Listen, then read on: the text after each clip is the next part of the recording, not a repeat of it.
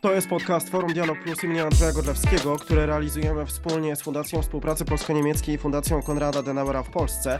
Dziś zajmiemy się Ukrainą i Ukraińcami, którzy mieszkają w Polsce.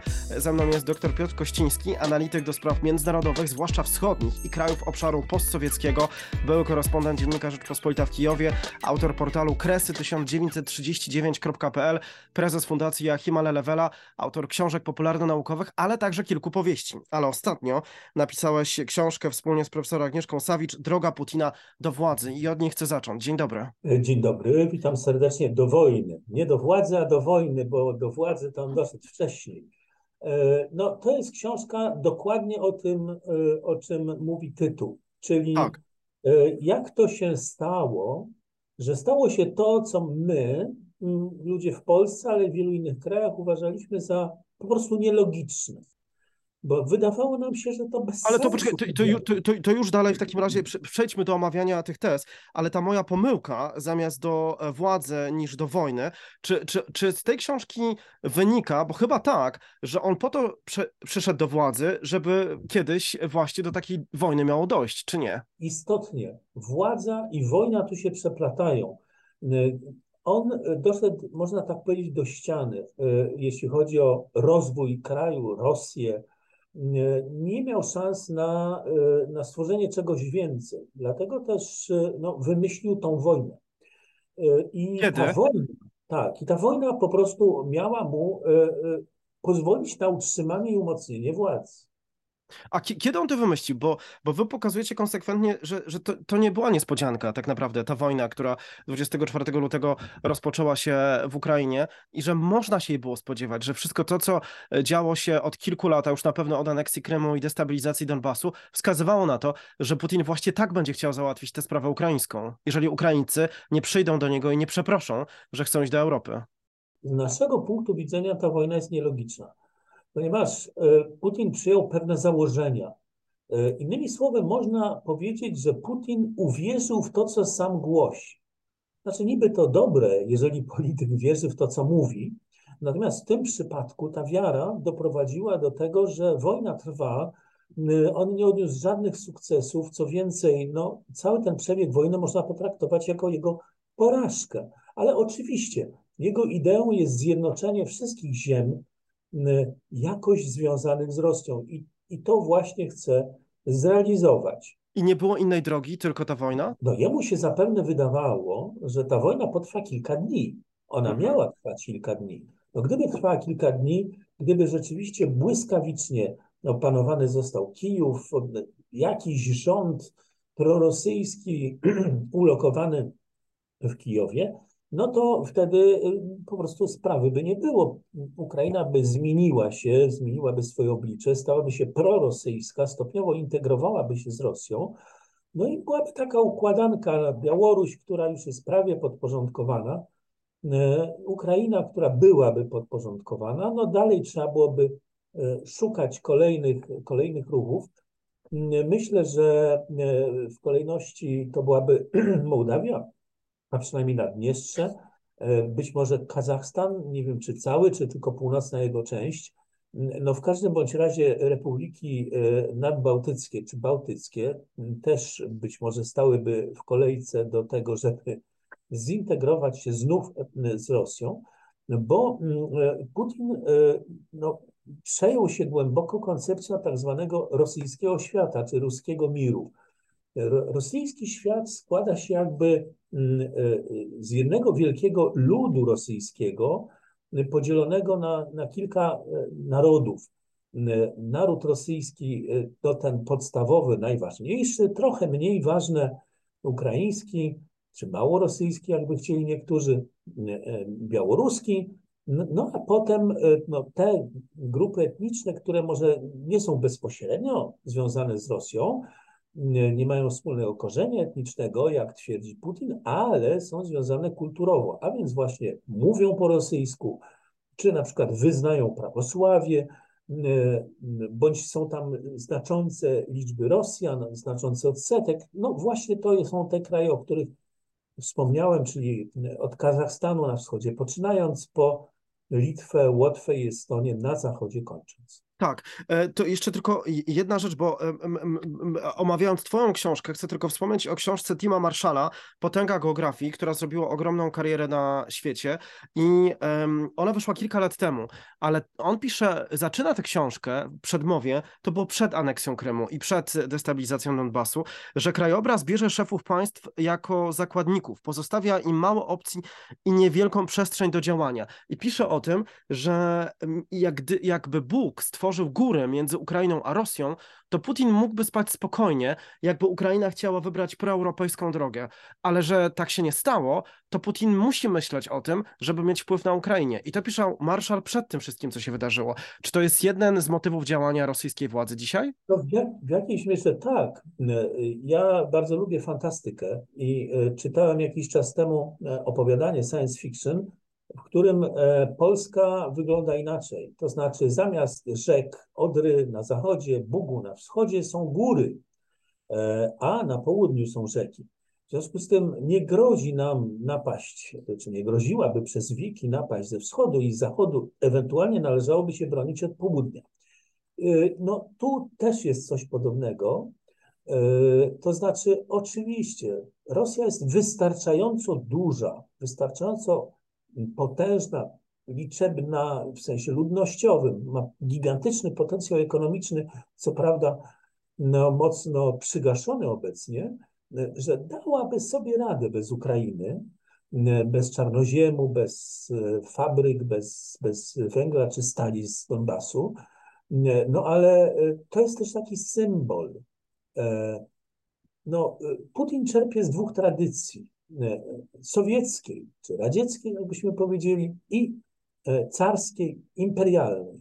Połączenie tych dwóch tradycji trochę jest absurdalne, ale bardzo skuteczne, ponieważ e, Putin odwołuje się raz do takiej historii, raz do innej. W efekcie tak naprawdę chciałby odtworzyć Związek Radziecki, tylko że w nowej postaci, bo takiego samego ZSR nie da się po prostu odtworzyć. No tak, ale to, to jeszcze wróćmy e, do tej głównej tezy mm, e, e, i do, i do tego, co omawiacie w tej książce, czyli jak to się stało, że do tej wojny doszło. Co zdecydowało o tym, że on zaatakował teraz, na początku 2022 roku?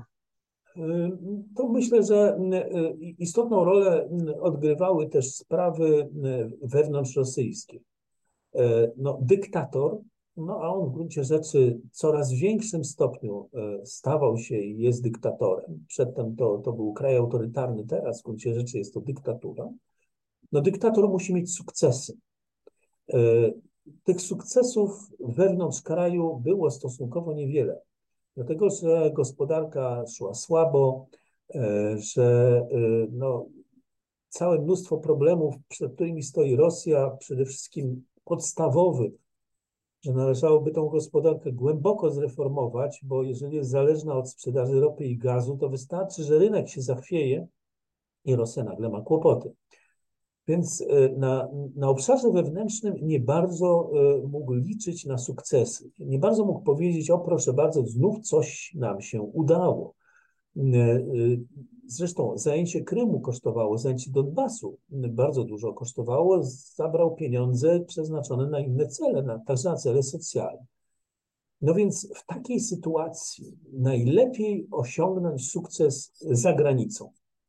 E, no, próbował w Syrii, prawda? E, tam można powiedzieć, jakiś sukces e, miał. No właśnie, bo jego, jego sojusznik Al-Assad jest cały czas przy władzy. No tak, ale to jest za mało i za daleko. Natomiast Ukraina jest tuż obok i blisko.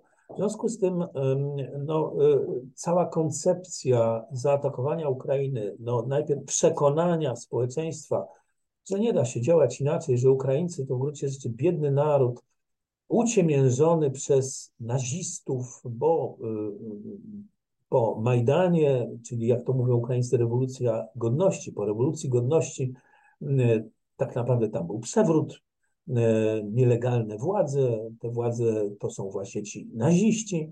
E, no trzeba wyswobodzić, wyzwolić Ukraińców e, spod takiego jarzma nazistowskiego.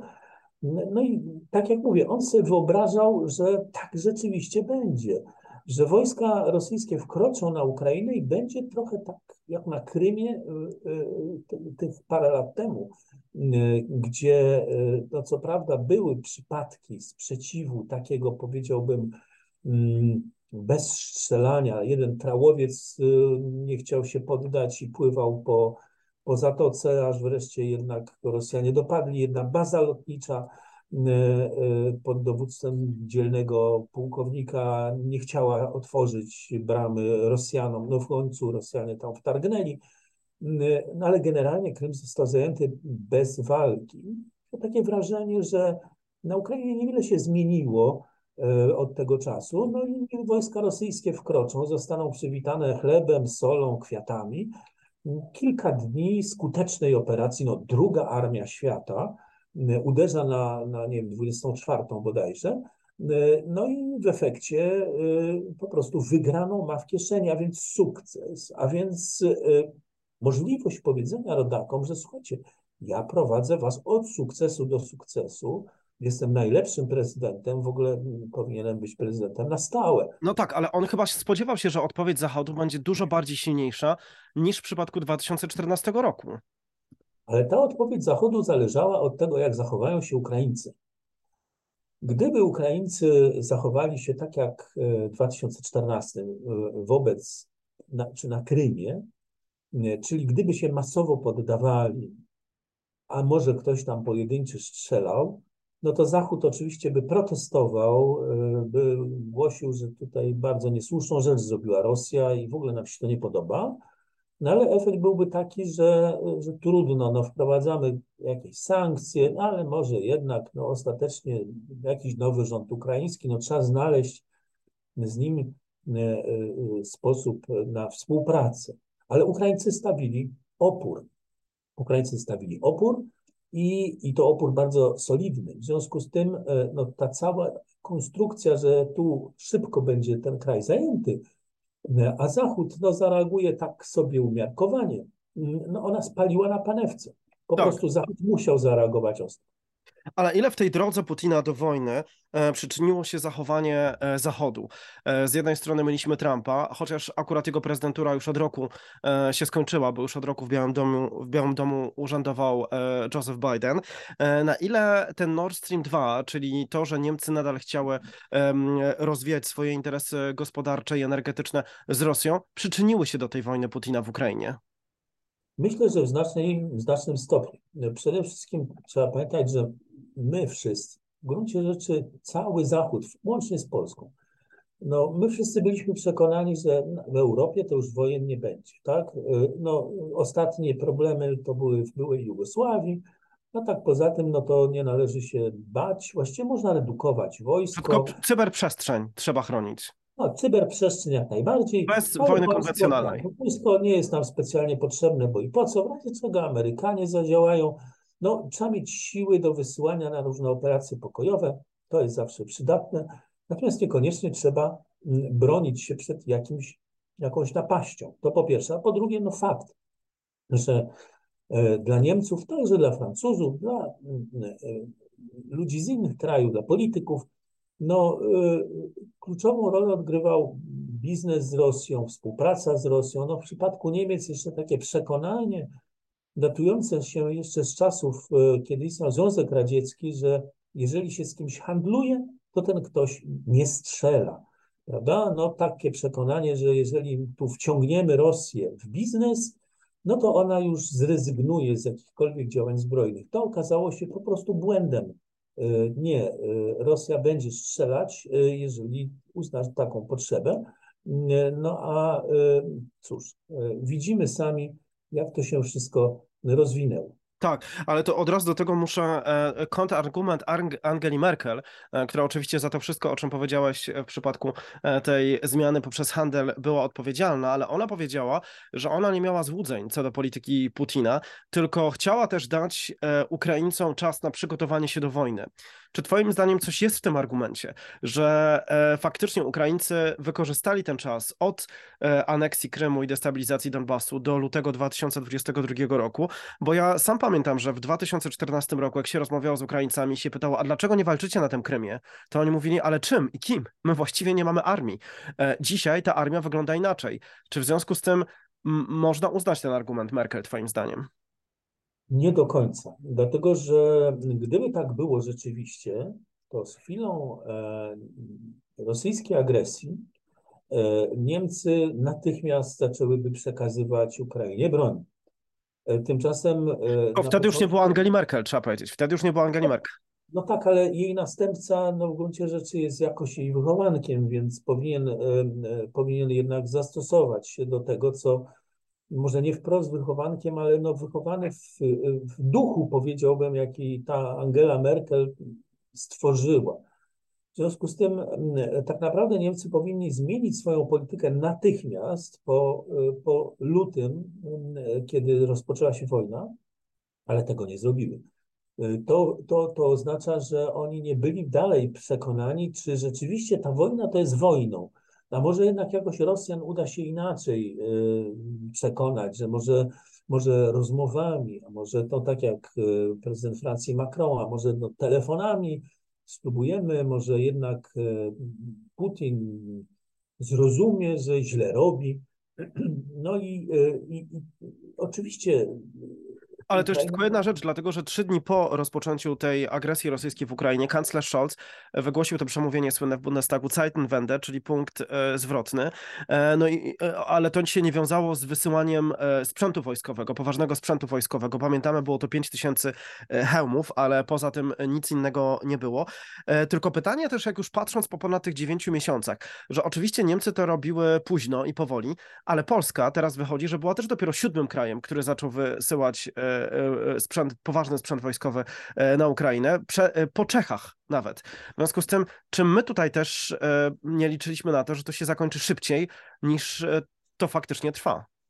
No my pewno też zareagowaliśmy z pewnym opóźnieniem. Poza tym, no cóż, my jesteśmy w bardzo szczególnej sytuacji, bo my jesteśmy w gruncie rzeczy państwem frontowym. Graniczymy z Rosją. I w związku z tym my z jednej strony powinniśmy wspierać Ukrainę i to robimy, ale z drugiej strony powinniśmy też mieć no, silną armię w dalszym ciągu, czyli nie możemy oddać swojego sprzętu e, Ukraińcom, nie dostając niczego, niczego w zamian od kogoś, bądź nie kupując. No to pytanie, czy mamy, czy mamy na to pieniądze, prawda? I, to wymagało pewnego jakiegoś czasu. Czechom dużo łatwiej przekazać jakikolwiek sprzęt Ukrainie, bo no Czesi do Rosji mają jednak kawałek drogi. Natomiast, natomiast no, oczywiście my też poruszamy się dzisiaj w takiej atmosferze pewnej niepewności. My nie wiemy tak naprawdę, czego ile e, Ukrainie przekazaliśmy. Pewne są informacje oficjalne, krążą plotki. E, no, no, taką przykładową plotką rozwijaną na Twitterze, być może to jest prawda. E, e, no, to jest coś takiego, że czemu kupiliśmy z Korei tam 200 armatohaubic, skoro mamy swoje doskonałe, doskonałe kraby, tak? No otóż plotka głosi, że 200 krabów przekazaliśmy Ukrainie i nagle mamy wyrwę, której nie da się zapełnić, bo nasze fabryki no, nie wyprodukują nam tych krabów błyskawicznie, więc kupiliśmy analogiczną liczbę e, armatohaubic e, z Korei Południowej. Czy to jest prawda? Nie wiem. E, no być może tam jest jakieś ziarno prawdy. W każdym bądź razie my rzeczywiście jesteśmy w bardzo trudnej sytuacji, bo no co prawda nie, nie jestem przekonany, że nam coś grozi zaraz, natychmiast, Trzeba też pamiętać, że większość wojsk y, z obwodu kaliningradzkiego, czyli tego tuż przy naszej granicy, prawda, no jednak została wysłana no, na Ukrainę i, i te y, oddziały poniosły no, dramatyczną wręcz porażkę. Większość została po prostu z, z, no, rozbita w prób, proch i pył. W związku z tym w tym Kaliningradzie oczywiście są rakiety typu Iskander i one mogą dotrzeć w błyskawicznym tempie w dowolnej, prawie dowolne miejsce Polski. Ale no, trudno się spodziewać, żeby ktoś tu strzelał w naszym kierunku rakiety, jeżeli to nie będzie poparte jakąś inną obroną, prawda? Więc no, raczej Rosja nam nie grozi, ale nigdy, niestety nigdy tak. nie wiemy, czy rzeczywiście. No tak, bo jak się przekonaliśmy wielokrotnie w historii, po prostu e, żyjemy w bardzo niebezpiecznej części Europy, w bardzo niebezpiecznej części e, świata. Pytałem o te Niemcy, czy one, czy ich polityka, przede wszystkim Angeli Merkel nie przyczyniła się do tej wojny. Mówisz, że tak, wskazujesz też e, na Francuzów pośrednio. A co z nami? E, dlatego że zwykło się mówić po 24 lutego w Polsce, wielu polityków to mówi nie tylko opcji rządzącej, że my hmm. przecież przestrzegaliśmy. Ale czy to nas rozlicza z czegokolwiek? Czy, czy nie jest tak, że w historii nam się zdarzało mieć rację, tylko polskim problemem nie było to, że źle ocenialiśmy sytuację, tylko że nie byliśmy na tyle w stanie być skutecznymi, żeby przekonać innych do takiej oceny rzeczywistości. Czy my też możemy być czyści w tym wszystkim, skoro nie udało nam się de facto wykorzystać naszej pozycji i kontaktów, żeby innych przekonać do zmiany kursu wobec Rosji przed 24 lutego tego roku. No tu jest kwestia naszej dyplomacji przede wszystkim, e, która no może nie jest bardzo silna. E, na kierunku wschodnim, e, owszem, no mamy wielu ekspertów, naprawdę znakomitych, e, czy to z Polskiego Instytutu Spraw Międzynarodowych, którym sam pracowałem parę lat, czy to z Ośrodka Studiów Wschodnich.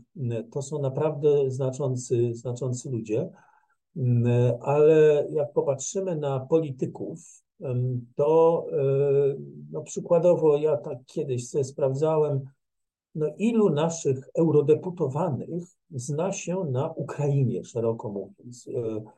E, na Ukrainie, na Białorusi, na Rosji, no takich rzeczywiście się znających jest tak naprawdę bardzo no, niewiele. No, owszem, ale, są... prawie, ale prawie wszystkich premierów wysłaliśmy do Brukseli, do tego Europarlamentu, także to są ludzie chyba, którzy Premierzy są niewątpliwie tak, oni są, oni są uniwersalni i oni wiedzą bardzo sporo o wszystkich kierunkach świata, powiedziałbym, więc dobrze, ale, ale nie, ma, nie ma takich, którzy by się naprawdę interesowali i znali E, Ukrainę, znali Rosję. Owszem, oni tam jeździli, no na przykład na Majdanie byli, przemawiali, wcześniej podczas pomarańczowej rewolucji też e, e, byli. No owszem, ale, ale oni nie odgrywają kluczowych ról w tej chwili. I, I, ta polityka wschodnia nie była bardzo, powiedziałbym, intensywnie podnoszona przez obecny rząd. E, to się oczywiście zmieniło zasadniczo w związku z wojną. Bardzo dobrze, słusznie, ale myślę, że wcześniej to byłoby dosyć trudne e, przekonać na przykład Unię Europejską, e, choć my teoretycznie rzecz biorąc więcej wiemy na temat Rosji czy Ukrainy, niż, niż nie wiem, Holendrzy, przy całym szacunku Włosi albo Portugalczycy, ale być może. Też Holendrzy od katastrofy samolotu, gdzie stracili prawie 200 swoich obywateli, też trochę wiedzą o tym konflikcie. Nie, nie oczywiście, wiedzą. Tak. Y, y, no ale być może też byliśmy za mało przekonujący, po prostu. Y, może A czy nie było tak, że największym problemem było to, że na Zachodzie, jeżeli polski polityk, i teraz już nieważne od barw, od kilku lat, próbował mówić coś o Rosji, to był lekceważony, dlatego że jakby doktryną naszej polityki wobec Rosji od kilku lat było to, że my na tym wysokim poziomie z Rosją nie rozmawiamy. W związku z tym trudno było Zachodowi przyjmować naszą analizę, który rozmawiał cały czas z Putinem i z czołówką, w momencie, kiedy, kiedy my uważaliśmy, że my po prostu z nimi nie mamy rozmawiać, no to też nikt nas nie traktował na Zachodzie poważnie. Czy to nie była część problemu? Być może tak, bo Zachód uważał, że my jesteśmy po prostu antyrosyjscy. No skoro jesteśmy antyrosyjscy zawsze, no to trzeba dzielić na pół, czy nawet na, na, na trzy to, co nasi politycy mówią, yy, czy mówili. Okazało się, że my mieliśmy rację, yy, ale yy, no cóż, taka była o, o nas opinia. Tylko co z tego właśnie? Tylko, tylko właśnie to jest moje pytanie. Co z tego, że mieliśmy rację, jeżeli czy, czy już się nam zdarzało, że mieliśmy rację, tylko jeżeli nie jesteśmy w stanie być skutecznymi, żeby przekonać do tej racji innych? To nie jest, to jest odwieczny problem? To jest nauczka dla nas, oczywiście. To jest nauczka, y, że powinniśmy działać inaczej. Pytanie tylko, czy nasi politycy, i myślę tu o wszystkich politykach, od lewa do prawa, rządzących i opozycję, czy wyciągną z tego wystarczające wnioski? Czy rzeczywiście y, zrozumieją, że trzeba funkcjonować inaczej, czy, czy, czy to pojmą, tak? Y, czy, czy na przykład będą słuchali ekspertów, w ogóle słuchali, chociaż ich wysłuchiwali. Dlatego, że jeżeli nie będą, no to będziemy mieli w przyszłości jakieś podobne wydarzenia. Niestety. A czy to, co się wydarzyło teraz 24 lutego tego roku, czy jest jakkolwiek porównywalne do września 1939 roku? I pytam ciebie o to, bo ty e, wcześniej napisałeś książkę Wrzesień Ambasadora. E, to jest historyczno-literacka opowieść o tragicznych dniach polskiego września 1939 roku, e, widzianych oczami ambasadora Stanów Zjednoczonych w Warszawie Antony Drexel Bidla. Czy ty to jakoś porównujesz z teraz luty 2022 roku z wrześniem 1939 roku. Oczywiście. Ja widzę sporo podobieństw, ale oczywiście i różnic. To, znaczy, to jakie są podobieństwa? No, podobieństwa są takie, że, że tak naprawdę y, y, świat nie był przygotowany na tą wojnę. Niby Ale podobieństwem nie jest właśnie to, że my też nie byliśmy w stanie znowu świata przekonać do tego, że Hitler jest realnym zagrożeniem? Chociaż my to wiedzieliśmy od kilkunastu tak. miesięcy tak. już, na, a tak, jak nie lat. Oczywiście, nie potrafiliśmy do tego przekonać. I teraz i też nie. Sami się do tego wystarczająco przygotować. E, zresztą, e, zresztą przygotowanie do wojny e, jest zawsze problemem, dlatego że po pierwsze przygotowuje się zwykle nie do tej przyszłej wojny, tylko do tej, no tak jakby to była ta poprzednia. No po drugie, no nie można być wiecznie zmobilizowanym. Na szczęście Rosjanie też. Na szczęście Rosjanie chyba też. Oczywiście. No, w przypadku Rosji to tam jest całe mnóstwo różnych innych e, e, problemów. E, Im się wydawało, że oni są silni, a w rzeczywistości nie. Więc to jest, to jest ta różnica. Natomiast i kolejna różnica, tym razem in plus w przypadku Ukrainy, to jest to, że Ukraina się przygotowała. Myśmy nie mieli czasu na przygotowanie, dlatego że jeżeli myśmy plan, pracę nad nad y, planem Z, czyli no rozmieszczeniem wojska obrony w razie ataku Niemiec zaczęli późno bardzo i zostało, no nie wiem, wobec się miły miesiące na przygotowanie, czyli strasznie mało czasu. Nie było czasu, żeby kupić sprzętu, sprzęt wojskowy, żeby tą armię wyposażyć, żeby y, wyszkolić żołnierzy. Ukraina owszem wykorzystała ten czas od 2014 roku w sposób wręcz niesamowity. Oczywiście oni nie mieli wszystkiego, co było potrzebne, to zostało dostarczone i to szybko. My, przypomnę, we wrześniu mieliśmy dostać w ciągu paru tygodni, gdyby ta wojna jeszcze potrwała, 50 czołgów od Francuzów, kilkadziesiąt samolotów od Anglików. E, no, e, to wszystko płynęło do nas przez Rumunię miało płynąć, czyli do Rumunii statek przez Morze Śródziemne. Nie było na to czasu po prostu. Ale tylko muszę o jedną rzecz dopytać, bo wcześniej e, miałem wrażenie, że trochę narzekasz na to, że, że kupujemy teraz tyle sprzętu, chociaż być może nie mamy na to pieniędzy. Ale rządzący dzisiaj w Polsce, i to o dziwo, ostatnio to słyszałem od prezesa Narodowego Banku Polskiego, który na swoich konferencjach prasowych e, e, komentuje wszystkie kwestie, i on tam powiedział, że trzeba wydawać jak najwięcej w tej chwili na sprzęt za granicą, z Korei ściągać, ze Stanów, żeby nie powtórzyć błędów dwudziestolecia i międzywojnia, że wtedy Eugeniusz Kwiatkowski postawił na przemysł rodzimy i i my byliśmy tak źle przygotowani do wojny z Hitlerem w 1939 roku z Niemcami, dlatego że po prostu ten przemysł jeszcze był słaby, zamiast trzeba było wtedy kupować za granicą. Jak ty na to patrzysz? To znaczy. I dlatego teraz rząd kupuje za granicą, nie rozwija przemysłu krajowego. Znaczy ja nie, nie, ja, ja się nie zgadzam. Przemysł krajowy oczywiście mamy i trzeba go rozwijać. Problem polega y, na czymś innym. Mianowicie w 1939 za późno się polski rząd zorientował, że sami nie wyprodukujemy, po prostu nie zdążymy wyprodukować tego, co powinniśmy mieć, tak? Nie będziemy mieli nowoczesnych myśliwców, bo one jeszcze rok, dwa potrzebują na to, żeby je dopracować jastrząb. Y, że no nie wyprodukujemy nowoczesnych czołgów, bo też tu potrzeba czasu, więc trzeba czym prędzej coś kupić. Tymczasem wtedy no nie było tak, że dziś mówimy, ach, kupimy, a jutro wszyscy do nas biegną, proszę bardzo, sprzedajemy. Nie, to, to nie było takie proste. E, przeciwnie, to było bardzo skomplikowane. E, Francuzi chcieli nam sprzedać, ale zanim to wszystko nastąpiło, ostatecznie sprzedali nam jeden batalion swoich czołgów, który w ogóle nie został niestety użyty we wrześniu 1939 roku. No, kilka czołgów francuskich tak, ale nie te 50 podstawowych. Więc, e, więc... Chyba nawet nie dojechały, prawda? Nie, dojechały, dojechały, Dojechały. tylko, tylko one niestety zostały skierowane y, po 17 września prosto do, do Rumunii, no i potem Rumuni z nich korzystali. No właśnie, właśnie, to w tym sensie. Tak, no Tak, to w tym sensie. Natomiast no, chyba tam pięć, które w innych miejscach się znalazły, wzięły udział w walkach, to w walkach z Sowietami. E, Tak czy inaczej, e, myślę, że teraz jesteśmy generalnie w lepszej sytuacji, będąc w NATO. E, Przed wojną sojusze z Francuzami czy Brytyjczykami wydawały się znakomite, ale to nie był taki układ jak, jak dzisiejszy Sojusz Północnoatlantycki. Zdecydowanie nie.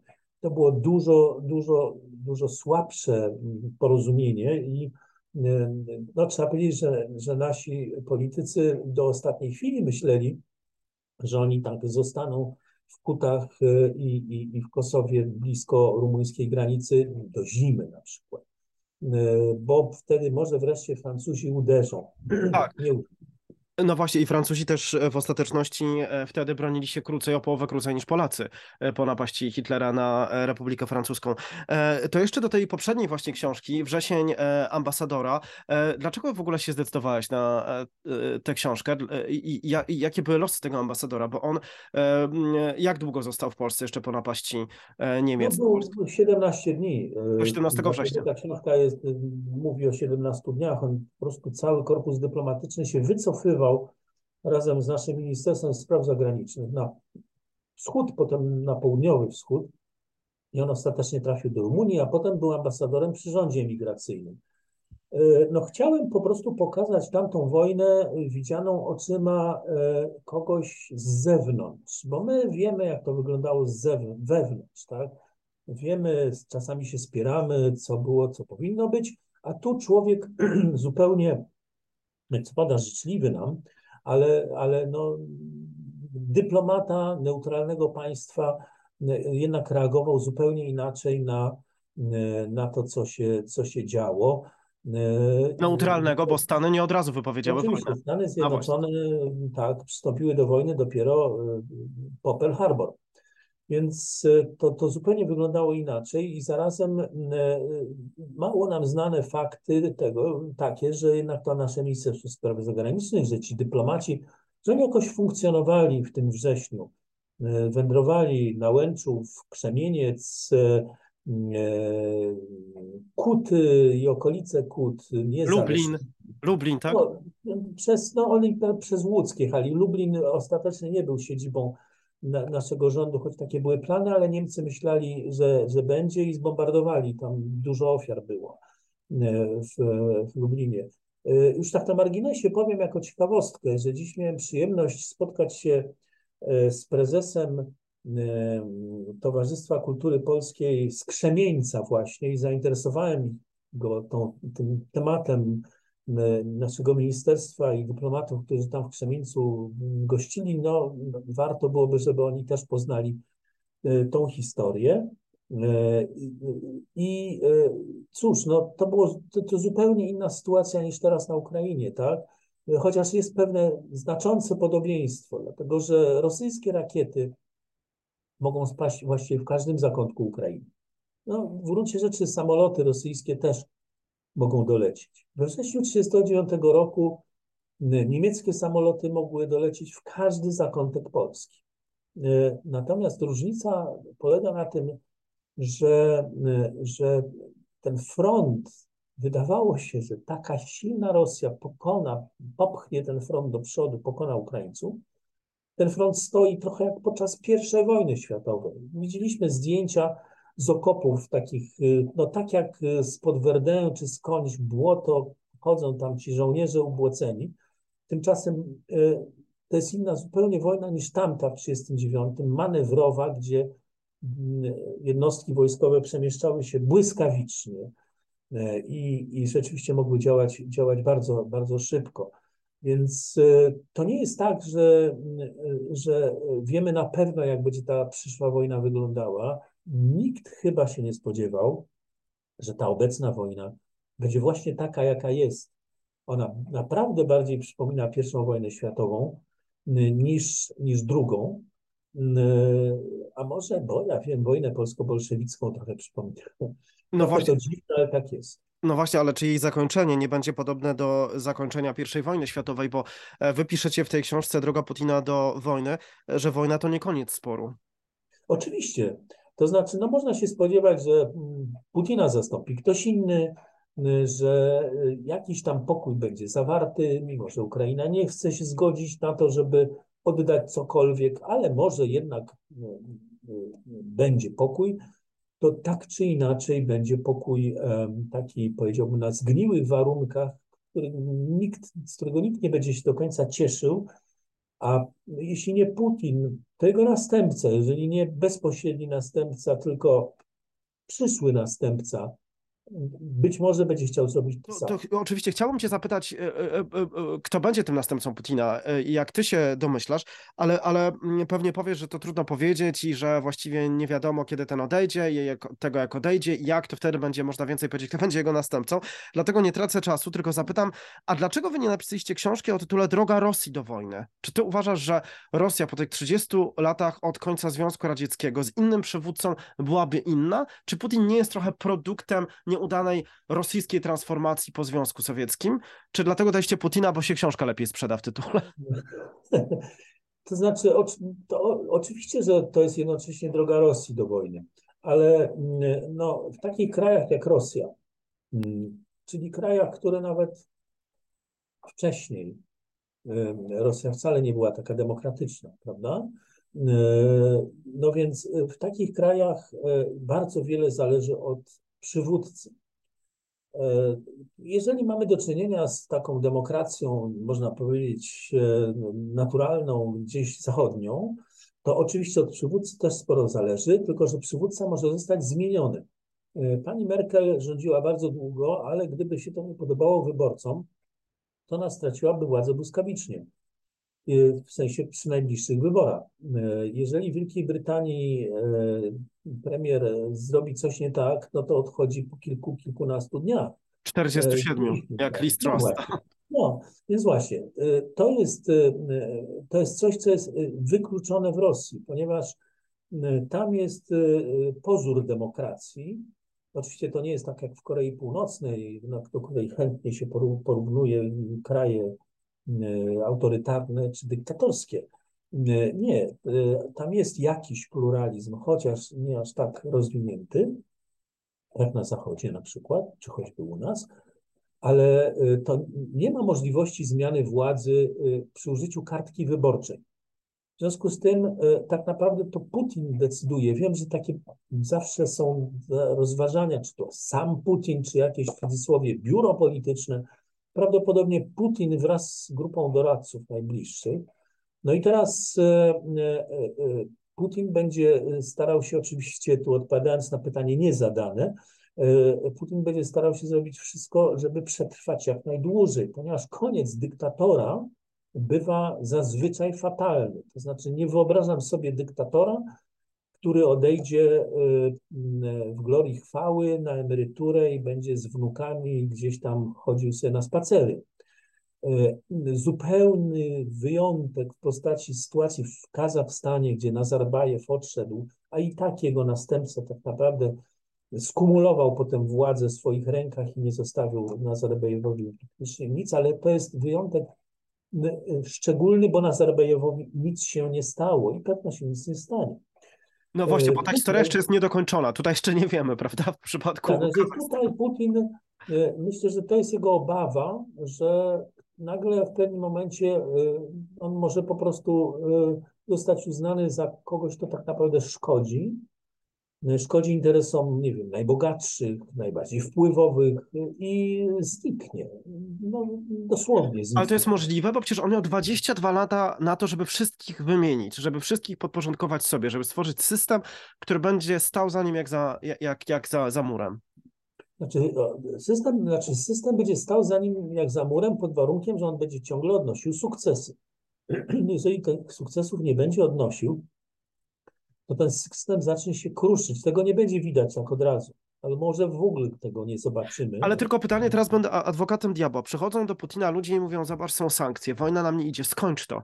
A on mówi, no i co? I, i czy, czy wy wybierzecie kogoś innego, kto powie, że, że Ukraińcy mogą sobie iść do Unii Europejskiej i NATO, że nas nie obchodzą? E, czy jakikolwiek przywódca z dzisiejszej elity albo z jej orbity będzie w stanie wyjść i powiedzieć, kończymy wojnę w Ukrainie, bo ona nie ma sensu?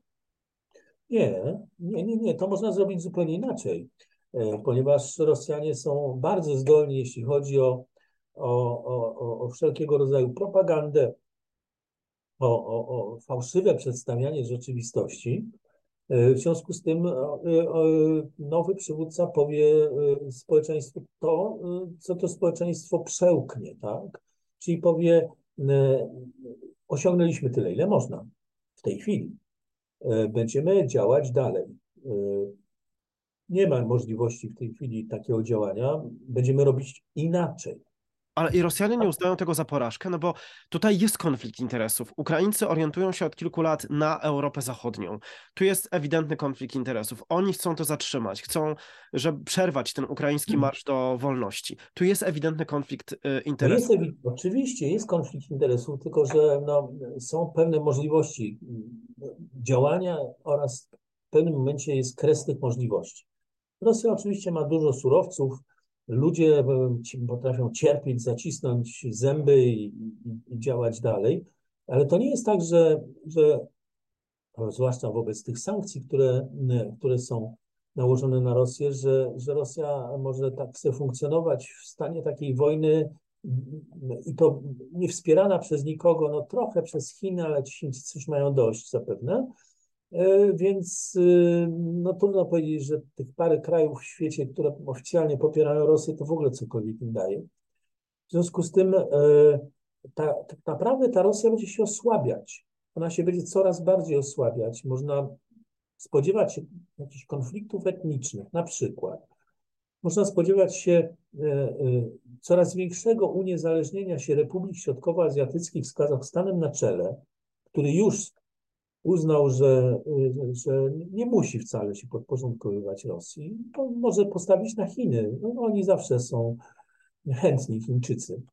W związku z tym, w związku z tym e, takie trwanie w tej wojnie na dłuższą metę może przynieść katastrofalne skutki dla Rosji. Ale czy to e, nie jest coś bardzo rosyjskiego, taka wojna? Bo Swietłana Aleksiejewicz, e, która ma background białorusko-ukraiński poprzez rodziców, a sama mówi, że ma trzy ojczyzny, bo jakby Białoruś, e, Ukrainę przez rodziców, ale też rosyjski język jako, jako przynależność do rosyjskiej kultury. Ona mówi, że jesteśmy społeczeństwem wojny, że od małego, od przedszkola przez szkołę podstawową i później cały czas żyje się jakimś mitem wojny. Ciągle się mówi o wojnie, że to jest społeczeństwo wychowane na wojnie. No to teraz mają tę wojnę to może się w tym może, tylko, odnaleźć. Tylko pamiętaj, że, że na przykład Białorusini, takie charakterystyczne powiedzenie Białorusinów, wszystko byle nie wojna. E, oni są wychowani na tej wojnie, ale oni są wychowani... Ale to nie oni ją prowadzą, Białorusini, tylko no, Rosjanie. Wiem, ale no Rosjanie, czy oni są aż tak różni? E, Rosjanie e, są gotowi na prowadzenie zwycięskiej wojny. E, ich mitem założycielskim nowym no już nie jest rewolucja październikowa, tylko jest wielka wojna ojczyźniana, która przyniosła zwycięstwo. A tu gdzie my mamy to zwycięstwo? I to jeszcze w walce z Ukraińcami, e, gdzie rodziny są często podzielone, no nie ma tego zwycięstwa. Ale z drugiej strony można też argumentować w ten sposób, teraz będę po drugiej stronie jakby, żeby zrobić tą dyskusję ciekawszą, że e, oczywiście w Afganistanie też e, e, mocno e, przegrali, no ale jakieś swoje minimalne cele osiągają. Zatrzymanie Gruzji w dalszym marsie, e, e, w dalszej drodze do zachodu. No przez to, że zdestabilizowana jest granica i to jest niewyjaśnione Osetia, Abchazja, to nie dołączają do żadnych struktur zachodnich. Tą Ukrainę też na razie uda im się jakoś zatrzymać, bo nawet jeżeli to będzie konflikt zamrożony, będą się szarpać, przyjdą politycy z zachodu i powiedzą, no w żaden sposób, nawet w ogóle nie mówmy o tym, żeby brać ich do NATO, musimy to dać Rosji gwarancję bezpieczeństwa, a nie dawać Ukraińcom. Z tą Unią Europejską też jakich nie będzie. Może uda im się ten mały cel osiągnąć, żeby tych Ukraińców powstrzymać teraz w tej drodze na zachód. Być może, tylko koszty tego są ogromne. Dużo Jasne. większe niż, niż spodziewano. I na dłuższą metę, na dłuższą metę y, ten efekty tego mogą być y, znacznie gorsze dla Rosji niż dla Ukrainy. Ale kto myśli na, o dłuższej mecie? To tylko Chińczycy. Przecież ani na Wszyscy zachodzie. Japończycy, ale no Zachód nie, politycy myślą głównie do końca swojej kadencji. Ale w Rosji chyba też, czy nie? A ile ma być kadencja trwać Putina? Wiecznie, prawda? No więc e, jego następca też będzie prawdopodobnie myślał długofalowo, e, bo, e, bo przecież nigdy nie wiadomo, co się stanie. Więc e, no, naprawdę tu w tym momencie wkraczamy w takie, na, na takie trochę nie- niejasne Jasne. pole. Jasne, ale jest jeszcze jedna rzecz, którą chcę ciebie zapytać, bo ty dobrze znasz tę mentalność. Ta opowieść o nazistach. E, Ja, się zawsze, ja, nie znam tego społeczeństwa zbyt dobrze, ale dziwię się, dlaczego oni zawsze się dają na to nabrać, bo e, pamiętam, ja, te, te, że na przykład mur berliński powstał po to, żeby chronić Związek Sowiecki i jego przyjaciół przed nazistami. Ta opowieść o nazistach jest od, od dekad po prostu E, i zawsze jest taka sama i te, te, te zdania nawet się nie zmieniają, bo ja sobie właśnie z tym przypomniałem, co oni teraz mówili o Ukraińcach, co mówili wtedy właśnie o jak budowali mur berliński. Dlaczego Rosjanie się ciągle na to nabierają? Nie, nie, nie, no to jest, to jest jeszcze no, dobrze przedwojenne. Ja e, pisząc e, pracę doktorską, pisałem ją o, mówiąc w skrócie o polskich gazetach e, w Związku Radzieckim w okresie międzywojennym, a było ich co najmniej kilkadziesiąt do 1935-1936 roku. I przeczytałem wiele tych gazet. To było ciężkie przeżycie, bo to są takie, takie bardzo propagandowe bardzo ideologiczne pisma. No i, e, i, i wtedy używane było słowo faszyzm. Polski rząd faszystowski, Polska faszystowska. E, e, O Niemcach i o Hitlerze właśnie nie mówiono faszyzm, te też, ale to jakiś inny faszyzm. Faszyzm to było słowo, było słowo klucz. I podczas II wojny światowej też no, ci przeklęci faszyści, faszystowska żmija dobita wreszcie przez Armię Czerwoną. Y, Oczywiście faszyści już przeminęli, y, w związku z tym stworzono y, w Rosji nowy, no, nowy pomysł, jest nowe, no nie słowo nie jest nowe, ale jego użycie, a więc naziści.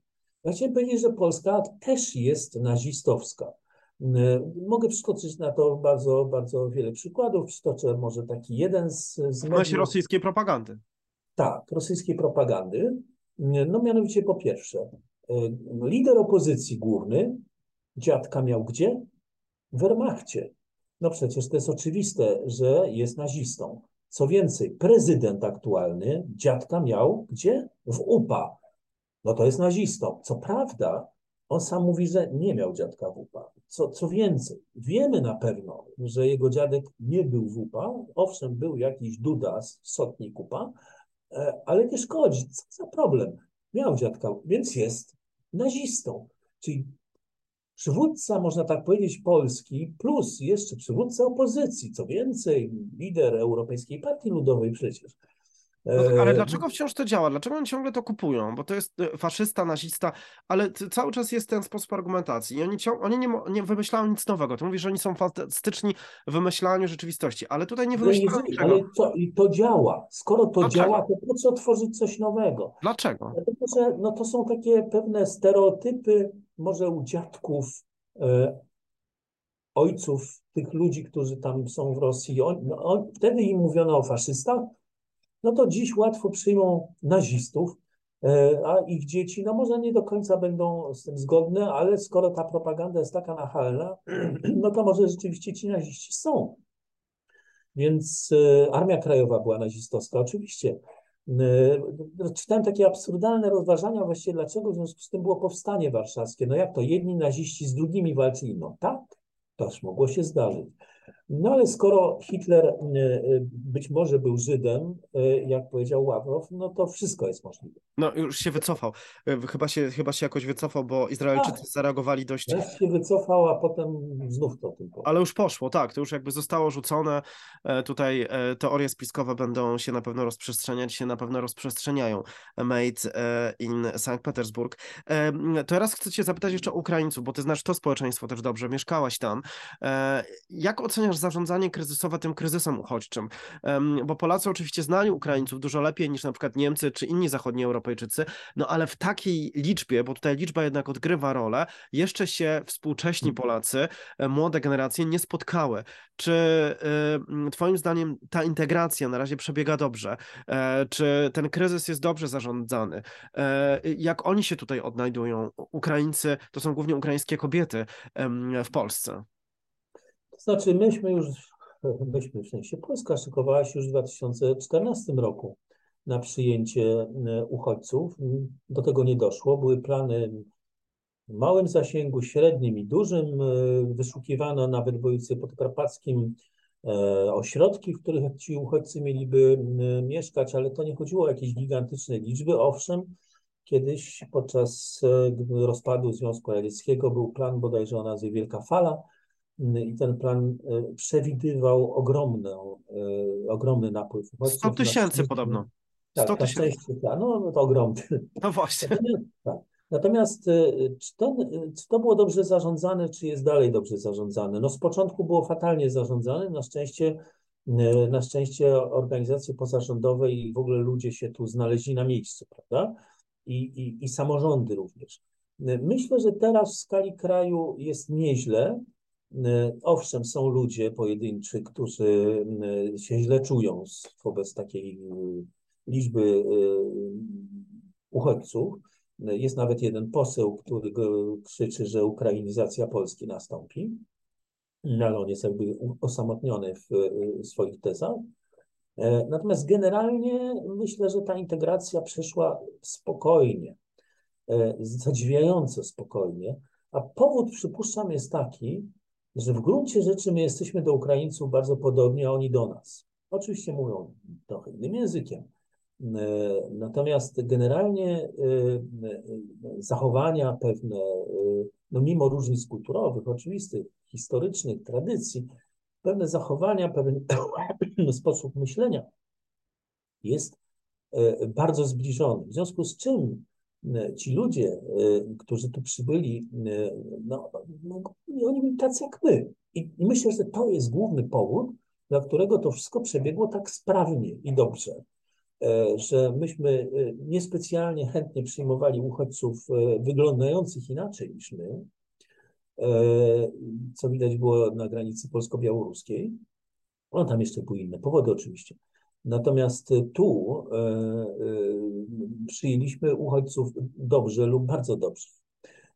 Kluczem jest to w tej chwili, żebyśmy zdołali ten, ten, to porozumienie na szczeblu podstawowym Polaków i Ukraińców zdołali wykorzystać, przepraszam za nieładne słowo, zagospodarować. Dlatego, że przez minione lata e, taka przyjaźń dokonywała się na szczytach. No, prezydenci kolejni, no, no, Kwaśniewski zwłaszcza, e, no, jeździli, Komitet Współpracy Prezydentów, ministrowie, premierzy, deklaracje o tym, że pojednanie i w ogóle to się odbywało gdzieś na szczytach, ale nie schodziło na dół.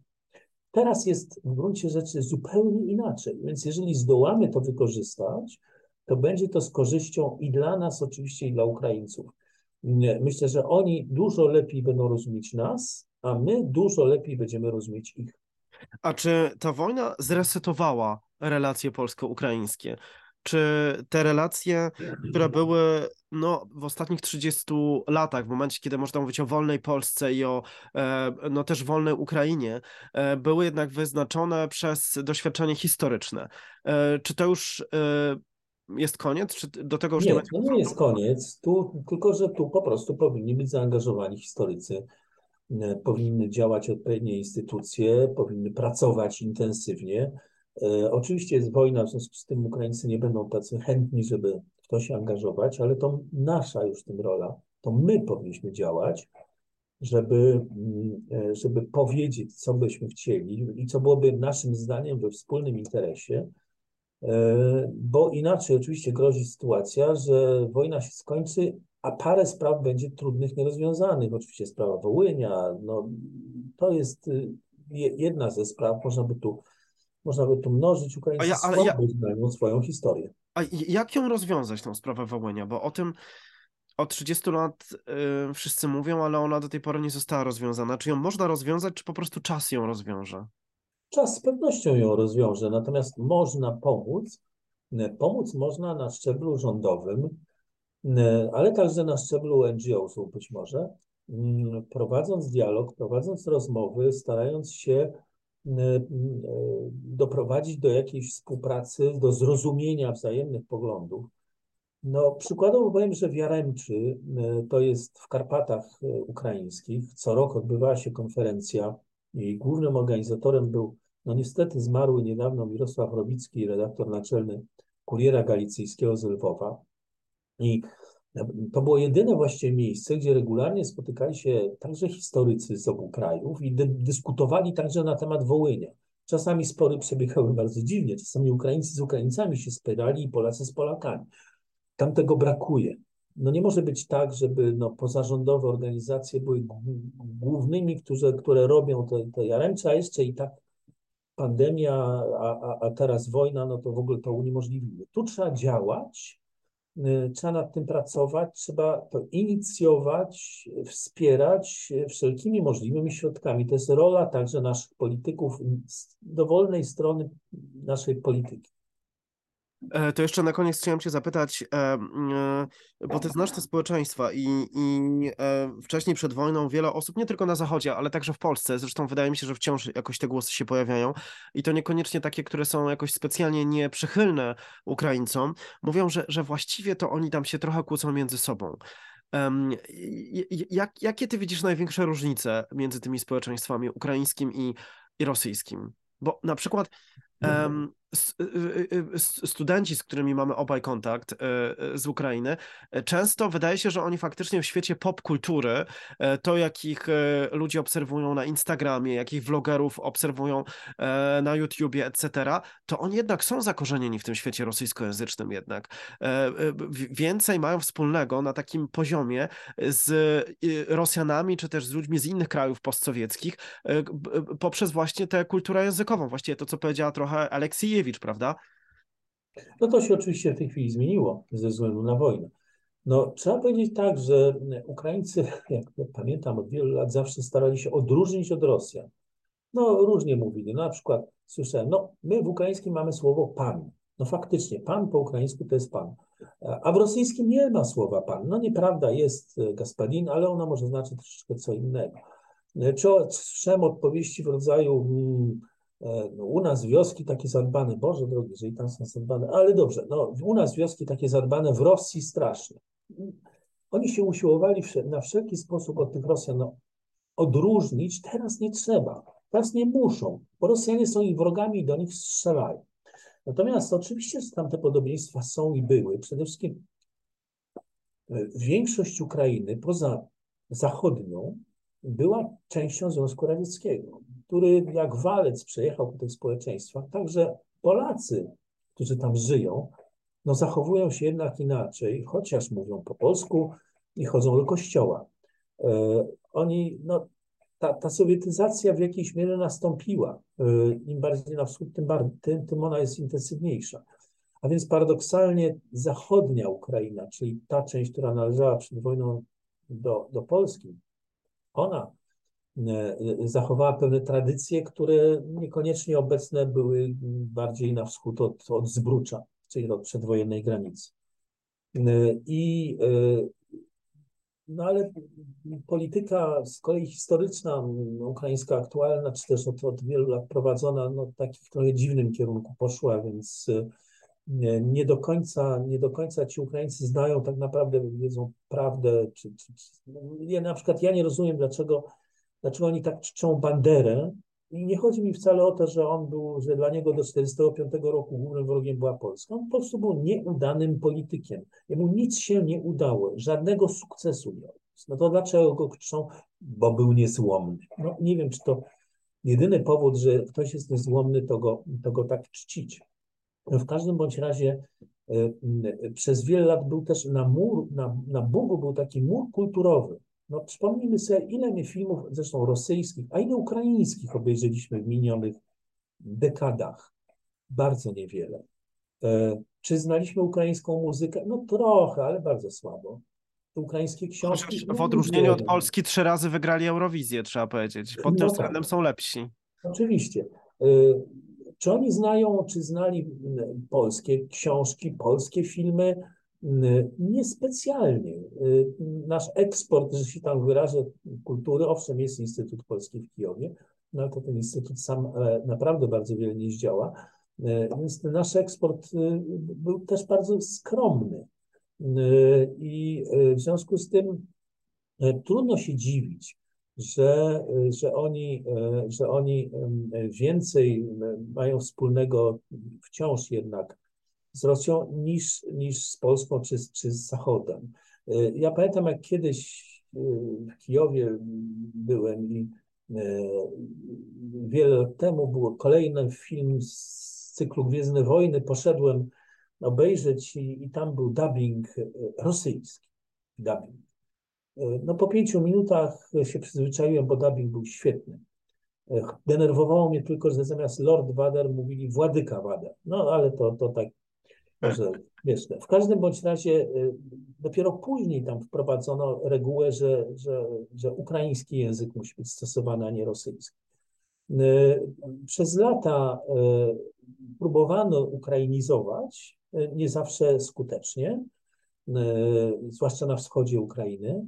W Kijowie w każdej dzielnicy była rosyjska szkoła, w sensie państwowa, ukraińska, ale z językiem rosyjskim, wykładowym. Y, To się powoli zmienia. Y, Moja znajoma, która była y, wicedyrektorką szkoły w Berdyczowie, mówiła mi, że, że kiedyś dla jej uczniów y, i dla niej samej pierwszym językiem był rosyjski, drugim był ukraiński, trzecim ewentualnie polski.